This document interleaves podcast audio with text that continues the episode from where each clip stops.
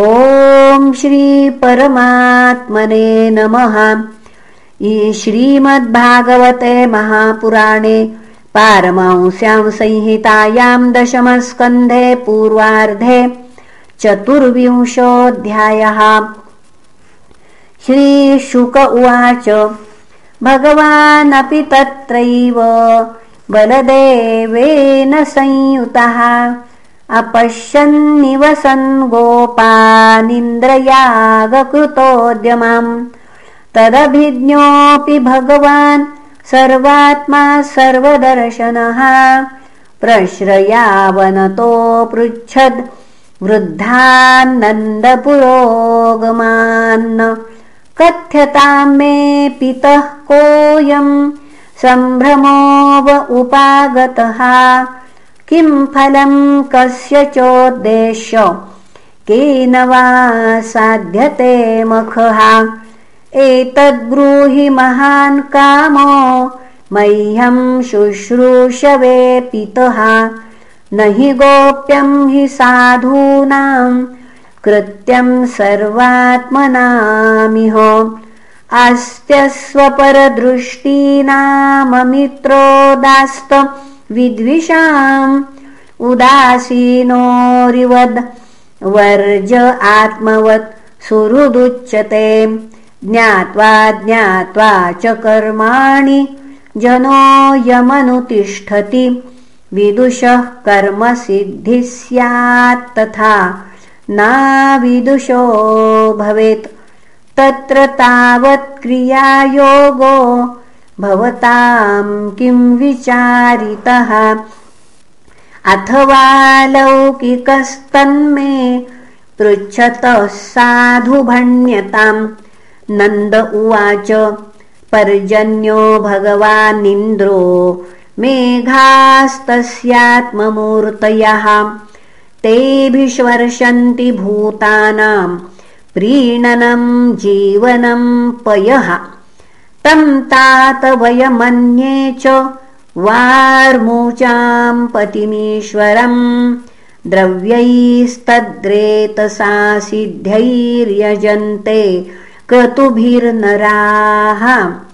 तच्छेषेणोपजीवन्ति त्रिवर्गफलहेतवे पुंसां पुरुषकाराणां पर्जन्यः फलभावनः य एवं विसृजेद्धर्मं पारम्पर्यागतं नरः।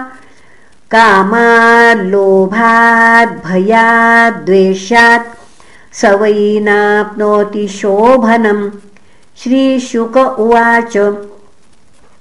वचो निशम्यनन्दस्य तथान्येषां रजौकसाम् इन्द्राय मन्युं जनयन् पितरं प्राह केशवः। श्रीभगवानुवाच कर्मणा जायते जन्तुः कर्मणैव विलीयते। सुखं दुःखं भयं क्षेमं कर्मण्यैवाभिपद्यते। अस्ति चेदीश्वरः कश्चित् फलरूप्यन्यकर्मणां कर्तारं भजते सोऽपि। न ह्यः कर्तुः प्रभुर्हि सः। किमिन्द्रेण भूतानां स्वस्वकर्मानुवर्तिनाम् अनीशेन्नान्यथा कर्तुं स्वभावविहितं नृणाम्। स्वभावतन्त्रो हि जनः स्वभावमनुवर्तते स्वभावस्थमिदं सर्वं सदेवासुरमानुषम् देहानुच्चावचाञ्जन्तुः प्राप्योत्सृजति कर्मणाम् शत्रुर्मित्रमुदासीन कर्मैव गुरुरीश्वरः। तस्मात् सम्पूजयेत् कर्म स्वभावस्तस्वकर्मकृत् अञ्जसा येन वर्तेत तदेवास्य हि दैवतम् आजीव्यैकतरं भावं यस्त्वन्यमुपजीवति न तस्माद्विन्दते क्षेमं जारं नार्यसती यथा वर्तेत ब्रह्मणा विप्रो राजन्यो रक्षया भुवः। वैश्यस्तु वार्तया जीवेत् शूद्रस्तु द्विजसेवया। कृषिवाणिज्यगोरक्षा कुसीदं तुर्यमुच्यते। वार्ता चतुर्विधा तत्र। वयं गोवृत्तयोनिशम् सत्वं रजसम पुनः सत्वं रजस्तम इति स्थित्युत्पत्त्यन्तहेतवः रजसोत्पद्यते विश्व मन्योन्यं विविधं जगत्। रजसा चोदिता मेघा वर्षन्त्यम्बूनि सर्वतः। प्रजास्तैरेव सिद्ध्यन्ति महेन्द्रः किं करिष्यति? न पुरो जनपदा न ग्रामा न गृहा वयम् नित्यं वनौकसस्तात वनशैलनिवासिनः। तस्माद् गवां ब्राह्मणानामद्रेश्चारभ्यतां मखः य इन्द्रयागसम्भारास्तैरयं साध्यतां मखः पच्यतां विविधा पाका सुपान्तापायसादयः संयावापूपशष्कुल्य सर्वदोहश्च गुह्यताम् हूयन्तामग्नयः सम्यग् ब्राह्मणैर्ब्रह्मवादिभिः। अन्नं बहुविधं तेभ्यो देयं वो धेनुदक्षिणाः। अन्येभ्यश्चाश्च चाण्डालपतितेभ्यो यथार्हतः।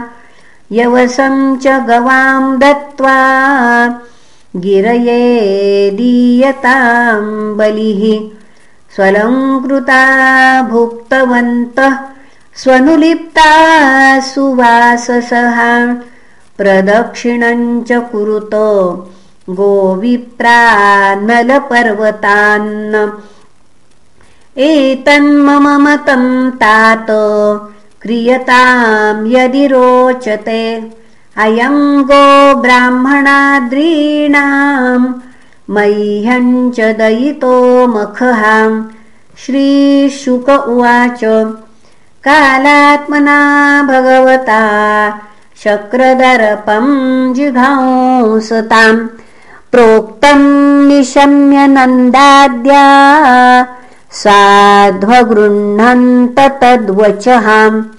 तथा च व्यदधुः सर्वम् यथाहमधुसूदनः वाचयित्वा स्वस्तयनम् तद्द्रव्येण गिरिद्विजान् उपहृत्य बलिं सर्वानादृता यवसङ्गवाम् गोधनानि पुरस्कृत्य गिरिं चक्रुः प्रदक्षिणम् अनास्यनरुद्युक्तानि ते चारुह्य स्वलङ्कृताः गोप्यश्च कृष्णवीर्याणि गायन्त्यः सद्विजाशिषः कृष्णस्त्वन्यतमं रूपम् गोपविश्रम्भणं गतः। शैलोऽस्मीति ब्रुवन् भूरि बलिमादद्बृहद्वपुः तस्मै नमो व्रजजनैः स्वः चक्रेत्मनात्मने। अहो पश्यत शैलोऽसौ रूपीनोऽनुग्रहं व्यधात्। एषोऽवजानतो मर्त्यान् कामरूपी वनौकसः। हन्ति हस्मै नमस्याम शर्मणे आत्मनो गवाम् इत्यद्रिगोद्विजमखम् वासुदेव प्रणोदिताः। यथा विधायते गोपा सह कृष्णाव्रजम् ययुः। इति श्रीमद्भागवते महापुराणे पारमहंस्यां संहितायां दशमस्कन्धे पूर्वार्धे चतुर्विंशोऽध्यायः श्रीकृष्णार्पणमस्तु